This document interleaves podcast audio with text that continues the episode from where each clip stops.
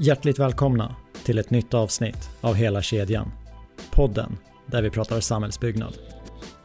Mitt namn är Nima Asadi och om ni vill komma i kontakt med mig så funkar det alldeles utmärkt att gå in på helakedjan.se samt via poddens kanaler på sociala medier. Och ja, ni hörde rätt. Vi har fått en ny hemsida. Från och med nu är det helakedjan.se som gäller. Vi har kastat bort bindestrecket. Nu till dagens avsnitt. Du lyssnar på andra delen av avsnittet där vi pratar om ett av Sveriges mest intressanta och spännande projekt, nämligen Centralstationsområdet i Stockholm. I den här delen pratar vi om vad som är definitionen av ett lyckat projekt, beställarens ansvar för att lyckas, hur man planerar för tiotals år framåt i ett projekt där det är svårt att göra alla nöjda redan i dagsläget och hur arbetet med projektet kommer att gå till framåt. Låt mig än en gång få presentera Daniel Markström.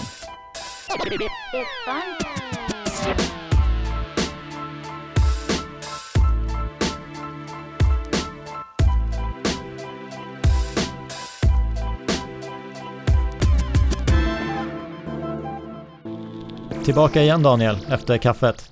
Mm, Hur smakade det? det smakade utmärkt. Vi ska inte dra ut på det. Vi fortsätter exakt där vi var innan vi tog pausen. Det tycker jag. Du nämnde nio myndigheter. Mm. Vilka fler är intressenter i det här projektet? Stockholms stad och Trafikverket är ju eh, naturliga då såklart.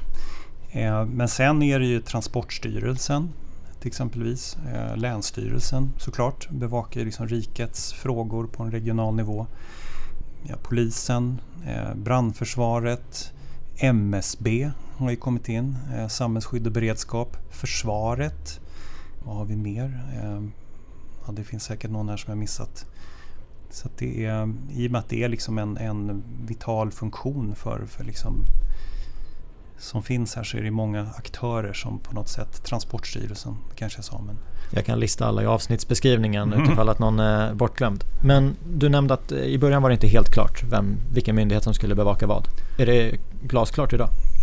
Ja, men det tror jag det är lite bättre. Och framförallt är det väl, har det varit vilka som ska godkänna vissa saker och vem som... Eh, så att är det Transportstyrelsen eller Trafikverket som ska godkänna det här? Och Trafikverket är ju både en entreprenör, kan man, eller en byggaktör kan man ju säga i vissa saker. De bygger väldigt mycket, men man är samtidigt en myndighet också. Så att de har liksom lite dubbla hattar där. De har ett eget regelverk och vem godkänner, och uppfyller och vem är som besiktigar vad och sådär.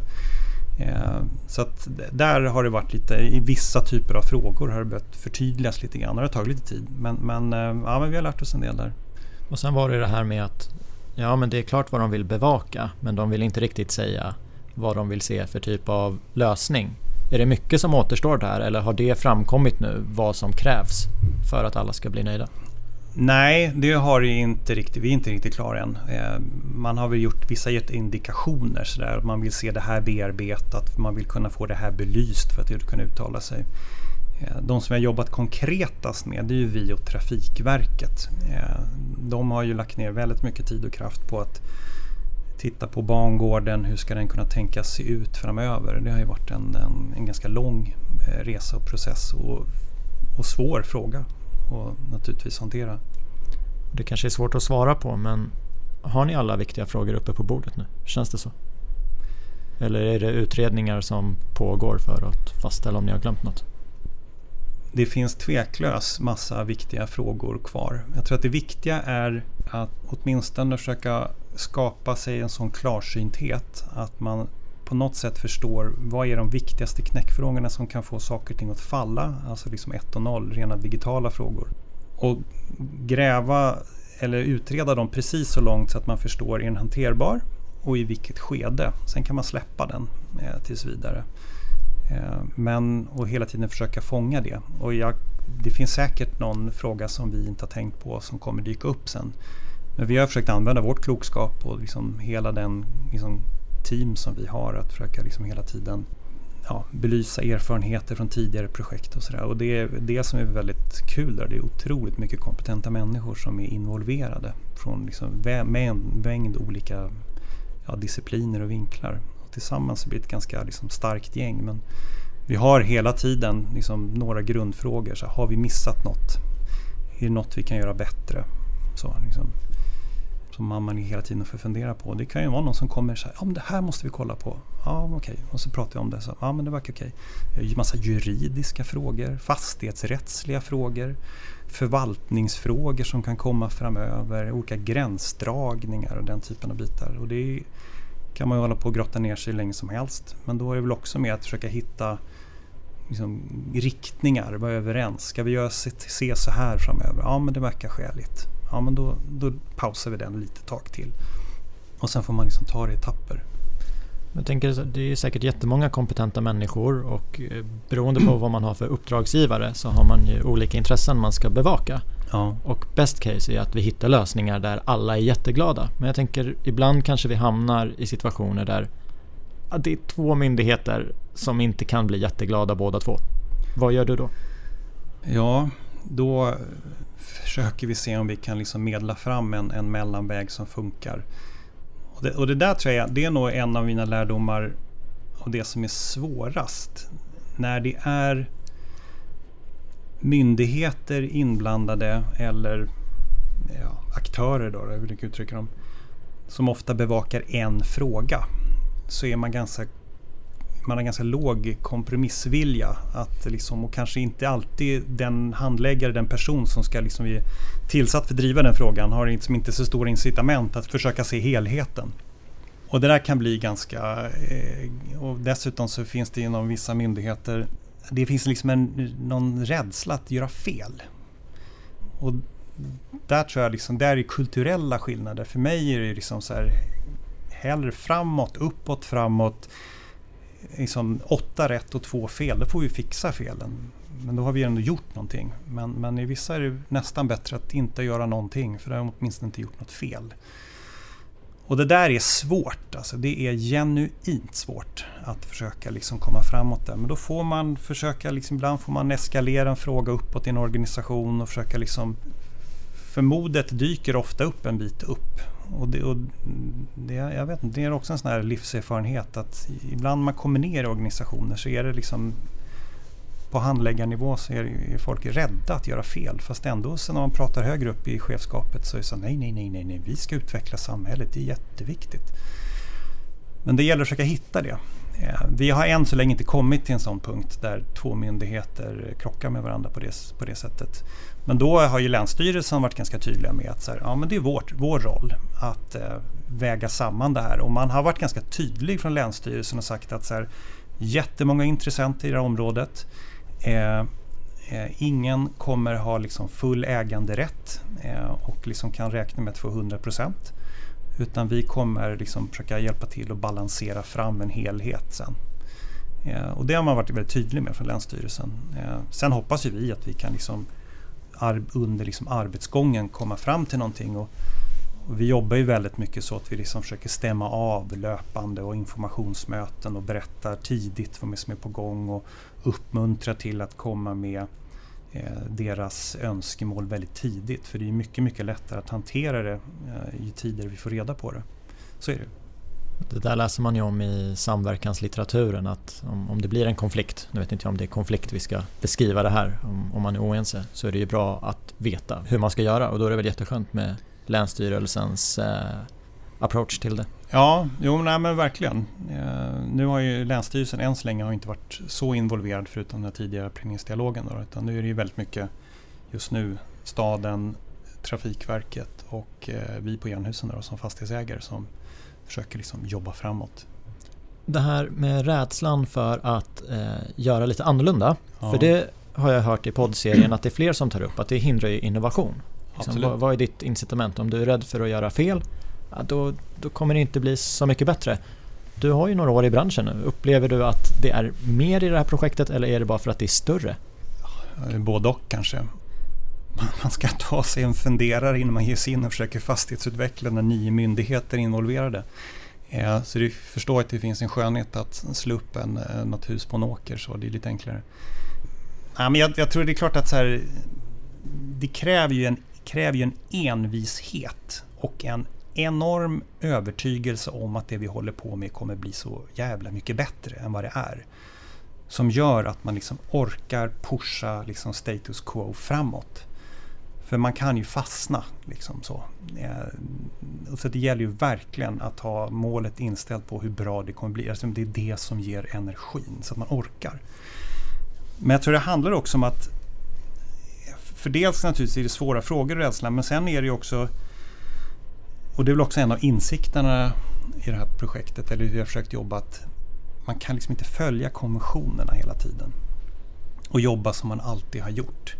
För ska nio myndigheter sitta och, liksom och googla, doodla ihop eh, liksom mötesforum och sitta och protokollfört och sådär, då kommer man ju ingen vart. Eh, och det var väl ett exempel som jag brukar dra som jag tycker har varit liksom en bidragande orsak till att det liksom går framåt här. Om man tar till exempel då, när vi skulle jobba med Trafikverket för att försöka titta på eh, hur framtidens bangård skulle se ut. För vi behöver ju veta var kan vi sätta ner pelare någonstans. Så tog man liksom fram enligt konstens alla regler, någon typ av samarbetsavtal, hur det skulle gå till, vilka mötesforum vi skulle ha och Trafikverket har ju en etablerad organisation med experter som sitter på olika sätt och sen så skulle liksom en idé skickas runt. Det hände ju ingenting. Det tog sån jäkla tid. Det liksom var liksom som man trampade i gyttja. Liksom så. Eh, det fanns liksom, ingen ägde riktigt frågan. Det fanns liksom, jag raljerar lite nu, men bara för att liksom förtydliggöra. Så att då så eh, kontaktade jag då en av enhetscheferna på Trafikverket eh, och så fick vi jättebra kontakt. Och sen så började vi resonera, så här, hur sjutton kan vi liksom få fart på det här? Och då var väl liksom idén att okej, okay, men det är liksom, vilka är det som kommer tycka till om den här bangården? Är det liksom att vi har fått rätt lösning, den optimala spårplanen? Ja, men då är det liksom den personen och den personen och den personen som kommer involverade. Jaha, och då brukar de få liksom skicka ett remissutlåtande och sådär. Ja, men kan vi inte sätta dem i samma rum på en gång? Och sen så ger vi dem liksom, det här är det vi vill försöka lösa. Vi ska nå den spårkapaciteten och vi ska samtidigt hitta förutsättningar för att vi kan sätta ner pelare på liksom ställen som ger förutsättningar att kunna bygga över. Och där och då etablerade vi det som kallas för en tankesmedja. Då. Och det skulle inte vara några protokoll utan de skulle liksom sitta och jobba i ett rum tillsammans. Eh, och det var liksom spårexperter, kapacitetsexperter, produktionsexperter eh, på olika sätt. Jag tror det var sju eller åtta eh, personer. De hade så 250 års erfarenhet tillsammans. Eh, och jag var väl typ tillräckligt kvalificerad för att kunna stoppa in lite bullar lite då och då i det där rummet. Och jag var lite orolig då. då. Kommer det här bli tuppfäktning? Eh, men det blev inte det. Det blev liksom så här ett gäng som tillsammans skulle försöka lösa det. Och en, han är liksom en av världens bästa spårtekniker. Han jobbar jättemycket i Kina och de liksom, det bara sprutade energi och de höll på att testa och bolla. Och, ja, men det var verkligen den här drömmen med, med liksom servettskisser och liksom, man ser liksom hur bara kreativiteten flödar och de kollar det och det tillbaka. Liksom. Och det tog det enormt mycket snabbare framåt. Eh, och, att liksom, och sen frågar jag då Trafikverket, ja, när de kommer fram till någonting då, är liksom, vem ska kontrollera, liksom, kommer det ifrågasättas då? då? Så här, ja, det är de bästa som finns. Sen har man liksom, liksom dubbelkollat det och testat lite andra alternativ och sådär. Men, men, det sättet, och det skapar engagemang, eh, ett sånt sätt att jobba. Att jobbar man i de här vanliga stuprören liksom och, och möte och det protokollförs och skickas ut och folk är rädda för tänk om jag sa det eller inte. Men, så här, ja, men det är ni tillsammans. Kommer ni fram till att det funkar, jättebra. Och kommer ni inte fram till att det inte funkar, men då var det tråkigt. Men de försökte ju liksom. Och det, ja, det, var, det var vackert. Nu sitter jag och ler här och det kan ju inte lyssnarna se. För när jag började i byggbranschen så fick jag höra om NASA när de projekterar sina rymdresor, det brukade ta ett år. Så vad gör man? Man samlar alla beslutsfattare och de som sitter med och ska ta fram lösningen i samma rum. Och så sitter man där i två veckor. Och man för inga protokoll, men man antecknar ju såklart ner beslut. Eh, och de kallade det för Integrated Concurrent Engineering, ICE, som används när man beskriver VDC-processen. Och det här var ju 2010. Jag hör ju fortfarande det exemplet när någon ska berätta om hur bra VDC är. Att ja men NASA, de kortade projekteringen från 52 till 2 veckor. Och här får jag äntligen höra ett riktigt exempel från vår bransch. Och det, det roliga är väl att det har liksom snappats upp inom Trafikverket. Så, att, så vad jag har förstått så har till och med GD har liksom eh, uppmärksammat att det är ett liksom bra sätt att jobba. Och det kräver mod, nya sätt att tänka, prestigelöshet, engagemang. Då har vi applicerat det sen till det gänget som ska säga okej, okay, så här är det tänkt att spårplanen ska se ut framöver, eller det vill säga plattformar och växlar och allt sånt. Och så här ska principiellt en överdäckningskonstruktion se ut. Hur bygger vi då? Ja, men då gör vi en ny sån tankesmedja. Fast med liksom Trafikverkets bästa infrastrukturbyggare. Eh, vi plockar in några av liksom Sveriges främsta produktionschefer eh, och kanske någon kalkylator och någon tidsplanerare och sådär. Och så får de försöka jobba. Ja, men det, det, är ju det är kul, det är roligt att jobba så dessutom också. Men det, ja, det kräver lite, kanske lite vidsynthet, jag vet inte. Jag har gjort det i mindre skala och jag kan hålla med om att det är hur kul som helst. Men det känns som att när Folkhälsomyndigheten släpper lite på restriktionerna då vill jag boka in en hel dag med dig på projektet. Ja, välkommen. Det här du nämner, det är ett sätt att skruva till processen och för att orka pusha framåt. Har du några fler exempel på saker ni fått skruva på sen, sen start för att prestera bättre? Jag tror att man får varva eh, lite grann. Dels tror jag det handlar om att, att vi som, som grupp eh, hela tiden jobbar med med helheten, att alla är införstådda med olika delar. Att man kan eh, och det är ganska kul när vi har teammöten då, eller projektgruppsmöten då, varannan eller var tredje vecka. Och vi är väl 14 pers då på Jernhusen som ses. Och alla har liksom sina expertiser och sina delområden. Att man, liksom, om jag har haft en tung vecka i min del så är det någon annan som har haft framgång någon annanstans. Att man är liksom duktig på, på delsegrar och liksom kunna eh, prata men sen tror jag det handlar också om att vi har det som ger kraft är ju det som kommer sen, alltså liksom slutresultatet. Så då har vi väl vävt in att jobba med liksom mer visionärt arbete och försöka liksom prata om platsens identitet och vad vi vill skapa och liksom den typen av bitar. Eh, för att liksom väva in då i vissa andra frågor då som kanske är lite mer eh, mm, långdragna. Idag handlar det ju väldigt mycket om nio myndigheter och Stockholms stad. Och ni håller på att arbeta fram en detaljplan. Hur kommer den här intressentgruppen att förändras när detaljplanen är klar? Ja, vissa myndigheter är väl i princip klara då eh, när detaljplanen, för då har de gett sin input. Eh, och då har vi, ska vi ha tagit hand om det och tillsett det och de ska tycka att ja, det är bra jobbat. Sen så är det ju så att, att, vi tror ju att för att kunna utveckla området så kommer vi behöva jobba med liksom kontinuerligt med fortsatt, eh, fortsatta samarbeten. Alltså det är liksom i, i vardagen, i förvaltningen. Så den kommer säkert fortsätta med vissa myndigheter, men kanske MSB eller Transportstyrelsen kanske vi inte har så mycket med att göra. Men sen så kommer vi, vi jobbar ju också med grannarna. Eh, att grannfastighetsägarna är liksom införstådda med vad som komma skall försöka fånga in deras bitar och de kommer ju säkert bli, behöver vi kommer behöva jobba med och sen förhoppningsvis så kommer vi eh, börja jobba med liksom hyresgäster och liksom olika aktörer som ska verka. Så det är liksom, det några, några myndigheter fasas väl ut och så kommer andra aktörer in. Men, men ja, Trafikverket jobbar vi med hela tiden eh, och då kanske det blir kanske mindre från planeringsenheten och mer kanske enhetens stora projekt eller förvaltningen då som, som vi jobbar med. Så att eh, många myndigheterna har vi ju, eller flera av dem i alla fall, har vi ju kontinuerligt samverkan med. Kanske inte på den här intensiteten som är nu då. då. Så är det i projekt, att det är olika faser eh, som myndigheter kommer in i och sådär. Ja, det är inte alla projekt som har med nio myndigheter att göra.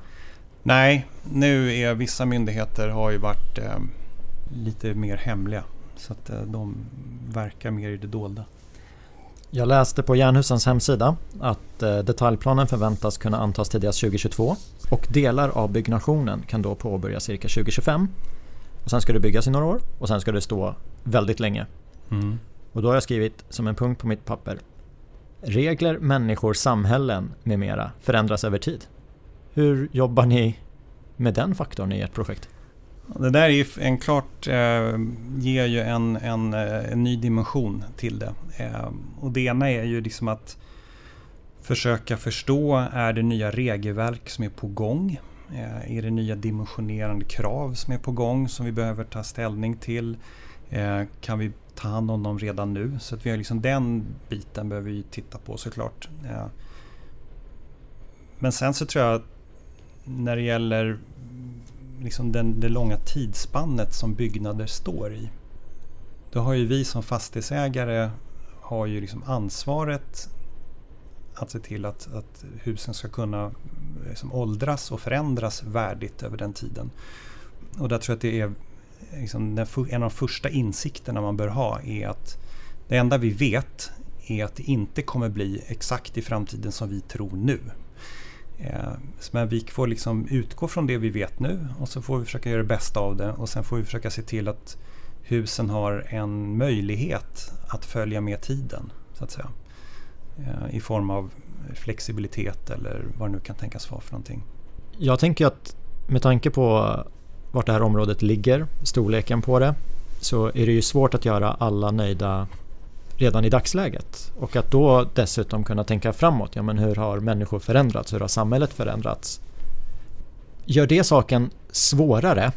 Eller är det tillräckligt svårt som, som det är? Liksom, är, det, är det svårare att få göra folk nöjda om 30 år kontra idag? Eller är det samma sak? Jättekonstig fråga. Ja, den var inte helt enkel. Jag vet faktiskt inte hur svårt, om det är svårare att göra glad, människor glada om 30 år. Jag tror att vi har ganska lika grundvärderingar om 30 år. Vi kanske har vissa preferenser som är annorlunda, men jag tror fortfarande att vi vill röra oss i eh, vackra, trygga, attraktiva miljöer. Eh, jag tror att man fortfarande vill ha liksom, puls och eh, snabbhet ibland. Eh, Medan jag tror fortfarande att grönska och lugn kommer ha, liksom, våra gener kommer inte ändras så mycket på 30 år. Så att jag tror att det viktigaste att vi siktar in oss på, vilket vi gör, det är ju att försöka möjliggöra så mycket som möjligt av det som, som vi tror att folk kommer uppskatta framöver. Sen saker som så här, hur handeln utvecklas, vilket typ av utbud som folk vill ha, Eh, exakt hur, liksom, vilka servicer som efterfrågas som man reser tåg, eh, det har vi ingen aning om. Eh, men vi på något sätt, och det är väl min tro som arkitekt, att skapar vi vackra, bra platser som folk liksom, är lätta att nå, det är härligt att vara där och det finns mycket att göra där, eh, så, så är det en väldigt bra grundbult. Och sen så ser vi väl till då att eh, och det har vi ju insikten om att våra stationer behöver ju vara i liksom takt och ton med tiden. Att vi liksom inte bygger in oss i en lösning som är omöjlig att förändra. Utan att, liksom, att stationen har liksom en, en, en struktur som kan följa med tiden hela tiden. Men sen så är det ju, alltså hus ska ju hålla länge och jag tror, det är väl också en så här, Hållbara hus är ju hus som folk älskar och tycker om och vill ta hand om. Det är ju liksom det hållbaraste man kan bygga. Eh, det minst hållbara är folk, hus som så folk tröttnar på och bara rider efter 20 år. Och där tror jag liksom det är där vi ska lägga in vår, eh, vår spets, att försöka liksom skapa så mycket ja, så bra miljöer som möjligt. För då kommer, och det blir lite, det är bra för affären också, för då vill företag vara här, man vill hyra. Det är, Eh, förhoppningsvis blir det en efterfrågan att få sitta här vilket gör liksom att det, det liksom blir bra hyresnivåer. Och det möjliggör oss, för oss att göra saker och ting ännu bättre. Eh, men jag, jag tror att det, vi pratar väldigt mycket om det inom projektet, liksom att skapa de här platserna. Sen är det klart att vissa är väldigt fokuserade på de här liksom tekniska utmaningarna just nu. Men jag tror att hela tiden så samlar vi oss och liksom lyfter blicken. Liksom vad, vad är liksom skatten där borta som vi kämpar mot? I början av samtalet nämnde du att eh, ett stationshus kanske inte bara är ett stationshus. Det kanske kan användas till en konstutställning också. Och då känns det som att om man planerar för lite flexibilitet redan från start. Den flexibiliteten finns ju om 30 år också då. Ja, men så är det ju. Eh, sen, sen, är det ju alltid den här balansen. Hur mycket flexibilitet ska man bygga in? Visst, det, till slut blir det orimligt. Eh, men, men det finns ju, åtminstone när du bygger, så är det några ganska enkla saker man kan fixa dit som gör ju enormt mycket mer, eh, fler möjligheter för huset att användas, eller husen. För det lär ju bli flera hus här, är det klart. Definitionen av ett lyckat projekt, hur, Hur lyder den? Det beror nog på vem du riktar den till tror jag. Dig? Till mig? Ja. Eh, och då är det klart att som, som fastighetsägare så är det väl naturligtvis att det blir ett projekt som, eh, som inte får fastighetsbolaget eller bolaget på ruinens brant utan som faktiskt liksom levererar de mål man sätter framför sig. Att man ska ha ekonomiska mål och eh, mål i tid och, och, och liknande. Eh, och inte minst hållbarhetsmål tror jag kommer vara otroligt viktiga framöver. Men, men om man liksom flyttar det lite större så handlar det om att ett lyckat projekt för mig det är ju ett, någonting som tillför samhället någonting. Som skapar värden i samhället, som skapar värden i staden. Som skapar värden för medborgare som inte nödvändigtvis behöver köpa någonting där eller som liksom, eh, att den tillför nya, ja den utvecklar samhället. Och eh, skapar liksom i det här fallet en bättre Stockholm city då, då och bättre förutsättning att resa. Det är ju på något sätt liksom de långa målen. Så att man, får ju liksom, man bryter ner det. Lyckat projekt finns ju... Eh, sen är det klart att ett lyckat projekt där ingen blir skadad under bygget. Att det är liksom tryggt, säkert, alla mår bra. Eh, hälsa och säkerhet, alltså den typen av frågor också. Men jag tror att eh, för min del så är det väldigt mycket det här liksom vad, vad det tillför, vad det ger. Liksom mervärdena för, för samhället. Men om man tar mervärdena för samhället och så tänker man att så många som möjligt ska bli så nöjda som möjligt. Och så sätter man det kontra, i brist på ord, en mellanmjölkslösning. Hur, hur går den balansgången? Jag tror inte det behöver vara någon balansgång. Alltså jag tror mellanmjölken eh, uppstår ofta i brist på kunskap, brist på erfarenhet och brist på engagemang som byggherre. Alla kan aldrig vara nöjda med allt. Det tror jag inte. Eh, men, men vi har ju verkligen försökt att prata med folk, gjort undersökningar. Vad är det som efterfrågas? Vad är det man vill ha på platsen? Och i det i kombination med vad vi som byggaktör kan försöka tillföra och vår expertis och kunskap så tror jag att man kommer kunna göra, eh, och givet naturligtvis platsens utgångsläge eh, och vad folk tycker om den idag, så har vi rimligen bra förutsättningar att få många att tycka det blir mycket bättre. Men jag tror alla kommer inte gilla allt. Men eh, förhoppningsvis kommer många gilla mycket. Är det ert ansvar? Att många ska gilla mycket? Att det inte blir en mellanmjölkslösning som var resultatet av brist på engagemang och liknande? Absolut. Det är eh, fastighetsägaren eller byggaktören har ett otroligt ansvar eh, att se till att resultatet blir bra. Sen är det klart att så här, det sker ju i samverkan med kommuner och andra inblandade parter. Och, vilka, liksom, vilka, och man får utgå från de fysiska, ekonomiska och de förutsättningar som finns. Men jag är helt övertygad om att det är liksom byggaktören och beställarens ansvar att hur långt man väljer att pusha projektet. Om man nöjer sig med Almlöv blev good enough. Eller om man verkligen pressar precis så långt som det faktiskt går. Och det är inte alla som orkar det, för det är ganska jobbigt. Men gör man det och bygger man upp ett team och har den mentaliteten och den viljan att göra det. Då kan du ta samma budget och göra någonting avsevärt mycket bättre. Men du behöver jobba lite annorlunda. Du behöver släppa garden och släppa in folk och diskutera på lite andra sätt. Men det är fullt genomförbart.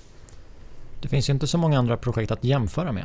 Liksom, vad man fick för budgeten, vad man fick för tiden, Nej, inte i det här fallet, men, men inte ens. Vi har inte ritat någonting ändå. Då. Men, men, ehm, och det är väl egentligen min erfarenhet från tidigare som var på Humlegården Fastigheter. Alltså hur man, ja, du kan, två fastighetsbolag som ska bygga två likvärdiga kontorshus kan få två hus att kännas väldigt olika i kvalitet och liksom helhet. Och svåraste som finns är nästan att få ett modernt hus att få någonting som jag skulle kunna kalla för själ. Äldre hus kan få själ. De får ofta det med tiden. Men det är väldigt svårt att få nybyggda hus att ha liksom en själ. Vissa hus kan vara ganska, ja, kan ju vara vackra så, men de kan vara liksom själlösa. Eh, men det är möjligt. Eh, men det, det, kräver en otrolig commitment från, från alla inblandade hela vägen. Jag tänker en del i det receptet, det är ju som du nämner att vi tar tag i de svåra frågorna först det låter som en mer kostnadseffektiv approach. Men det finns ju inget liknande projekt att jämföra med. Nej, men alltså jag tror det, det är nog många som gör det. Att man tittar på svåra frågor först. Eh, här har vi varit absolut tvungna att göra det. Därför att det är liksom 1 och 0. Eh, sen kanske man behöver titta på det olika mycket. Alltså man kanske liksom bränner, liksom kan diska av de frågorna rätt tidigt. Men jag tror att annars för att få liksom lyckas med biten, det är hur man, hur man bygger upp liksom hur man genomför projektet och hur man bygger upp organisationen och hur man liksom samverkar och vilka som är med och fattar de kritiska besluten i vilka skeden och sådär. Det är ju bussvårt. Ja, speciellt om det händer någonting och man behöver göra det kräver liksom ett mod att kunna jobba på det sättet och ett, kanske ett, ehm, en trygghet i sig. Att man, hur, man, hur duktig man är som, som beställare att kunna jobba på det sättet. Hur går det till i det här projektet med avstämningar så att, för att se att ni är på rätt väg och pushar er själva? Ja, men alltså, I projektgruppen är det, det är mitt ansvar att se till att vi pushar oss. Eh, och sen försöker vi naturligtvis hjälpa varandra att pusha liksom, Trafikverket och Stockholms stad. Att vi liksom pushar varandra och försöker liksom lyfta blicken. Eh, men sen så har vi ju en intern styrgrupp som VD och affärsområdeschefen sitter med i som, som eh, när vi går igenom, liksom berättar hur vi ligger till och frågor och så diskuterar vi så vägen framåt och sådär. Så att, eh, nej, vi har ganska täta avstämningar för det är ett stort och viktigt projekt. Stort projekt är det absolut. Jag såg en siffra. En yta lika stor som sex fotbollsplaner ska utvecklas. Ska ni utveckla allt själva? Eh, ja, området, detaljplanen är sex fotbollsplaner stor. Eh, vi kommer inte bebygga sex fotbollsplaner. Eh, det blir mindre än så. Vi vet inte riktigt än faktiskt. Det är nog inte osannolikt att vi kommer samarbeta med några eller någon i någon del av området. Jag tror att det som innehåller bara station eller mycket station, där kommer vi nog själva i så långt det är möjligt vara byggaktör. Men i delar kommer vi nog, det är nog inte otroligt att vi kommer samarbeta med någon på något sätt. Med tanke på ansvaret då, för att mm. det här ska bli så bra som möjligt. När vågar man släppa över till andra eller hur funkar det? Ja, det där är en bra fråga och det är någonting som vi i Jernhusen liksom funderar ganska mycket på. Vi utvecklar ju även bostadsbyggrätter på olika delar och där bygger vi inte själva bostäderna. Men då funderar vi faktiskt mycket på när ska vi sälja dem så att vi kan säkerställa att det blir liksom, bra miljöer och sådär och att man håller höga, eh, liksom, höga miljöambitioner och sådär. Eh, och det handlar, och I det här fallet, ja, det handlar om att vi ja, samarbeta med några som delar våra värderingar och som delar våra ambitioner eh, och som vi tror att vi kan samverka med på ett bra sätt och förhoppningsvis så kommer de komplettera oss. Att de har väl liksom någonting som vi inte har, bedömer har lika mycket av som vi kan skapa någonting tillsammans. Men jag tror att vi, vi har ett väldigt stort ansvar att se till att, att, det, blir, att det blir bra. Så är det ju. eh, absolut. Men är det då efter en lagakraftvunnen detaljplan som det är aktuellt? Ja, det har vi faktiskt inte satt ner foten än riktigt. Eh, och det är väl också en sån där grej som en av de frågorna som, som vi kommer behöva liksom bryta. Eh, när ska man samverka med någon och under vilka förutsättningar? Eh, men givet att den här detaljplanen tar ganska lång tid så är det väl inte omöjligt att vi kommer påbörja samtal under den resan. Jag kände när jag ställde frågan att det kanske finns en del utvecklare där ute som säger Vadå? Vi utvecklar inte dåliga saker. Det är inte det jag menar. Jag menar, vi pratar järnhusen nu och när järnhusen i så fall släpper kontroll. Absolut, nej men så är det ju. Eh, tveklöst. Eh, men eh, alla bolag har väl liksom sina, sin topp tre vad man tycker är viktigt så att säga för, för eh, och vilken långsiktighet man har och, och vilken, vad man vill lämna ifrån sig och sådär. Så att vi, nej, men vi får se. Det ska bli en spännande resa det också. Att försöka se om vi hittar någon bra att dansa med någonstans. Ja, det hoppas jag. Mm. Det, jag kommer ju hänga här i området. Ja, absolut. Vi spelar in det här avsnittet i juni 2020. Vilka milstolpar arbetar ni mot nu? Ja, vi har en väldigt tydlig milstolpe som vi jobbar mot eh, och som jag, delar av vårt team, har jobbat med i ett par år nu. Då. Eh, och det är att vi ska kunna lämna den här första eh, utredningsfasen bakom oss och nu är vi på väg, eller vi har påbörjat kan man säga, plansamrådsfasen. Så att ett plansamråd ligger väl förhoppningsvis kanske ja, två år framför oss. Och då så kommer vi då genom, det är nu, det är äntligen är dags att börja rita lite grann. Så att vi håller på och har jobbat nu i två år med att forma ett program.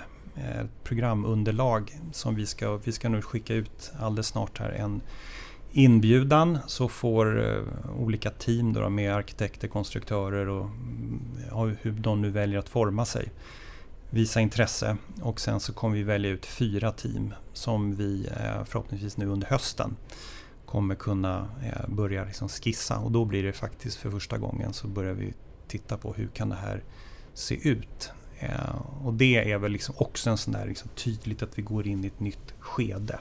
För då, då är det faktiskt dags att börja liksom gestalta saker och ting och se bryta de här eh, alla variablerna och naturligtvis de här kompromisserna som man kommer behöva göra också. Eh, vi kommer inte kunna lösa allting perfekt utan så.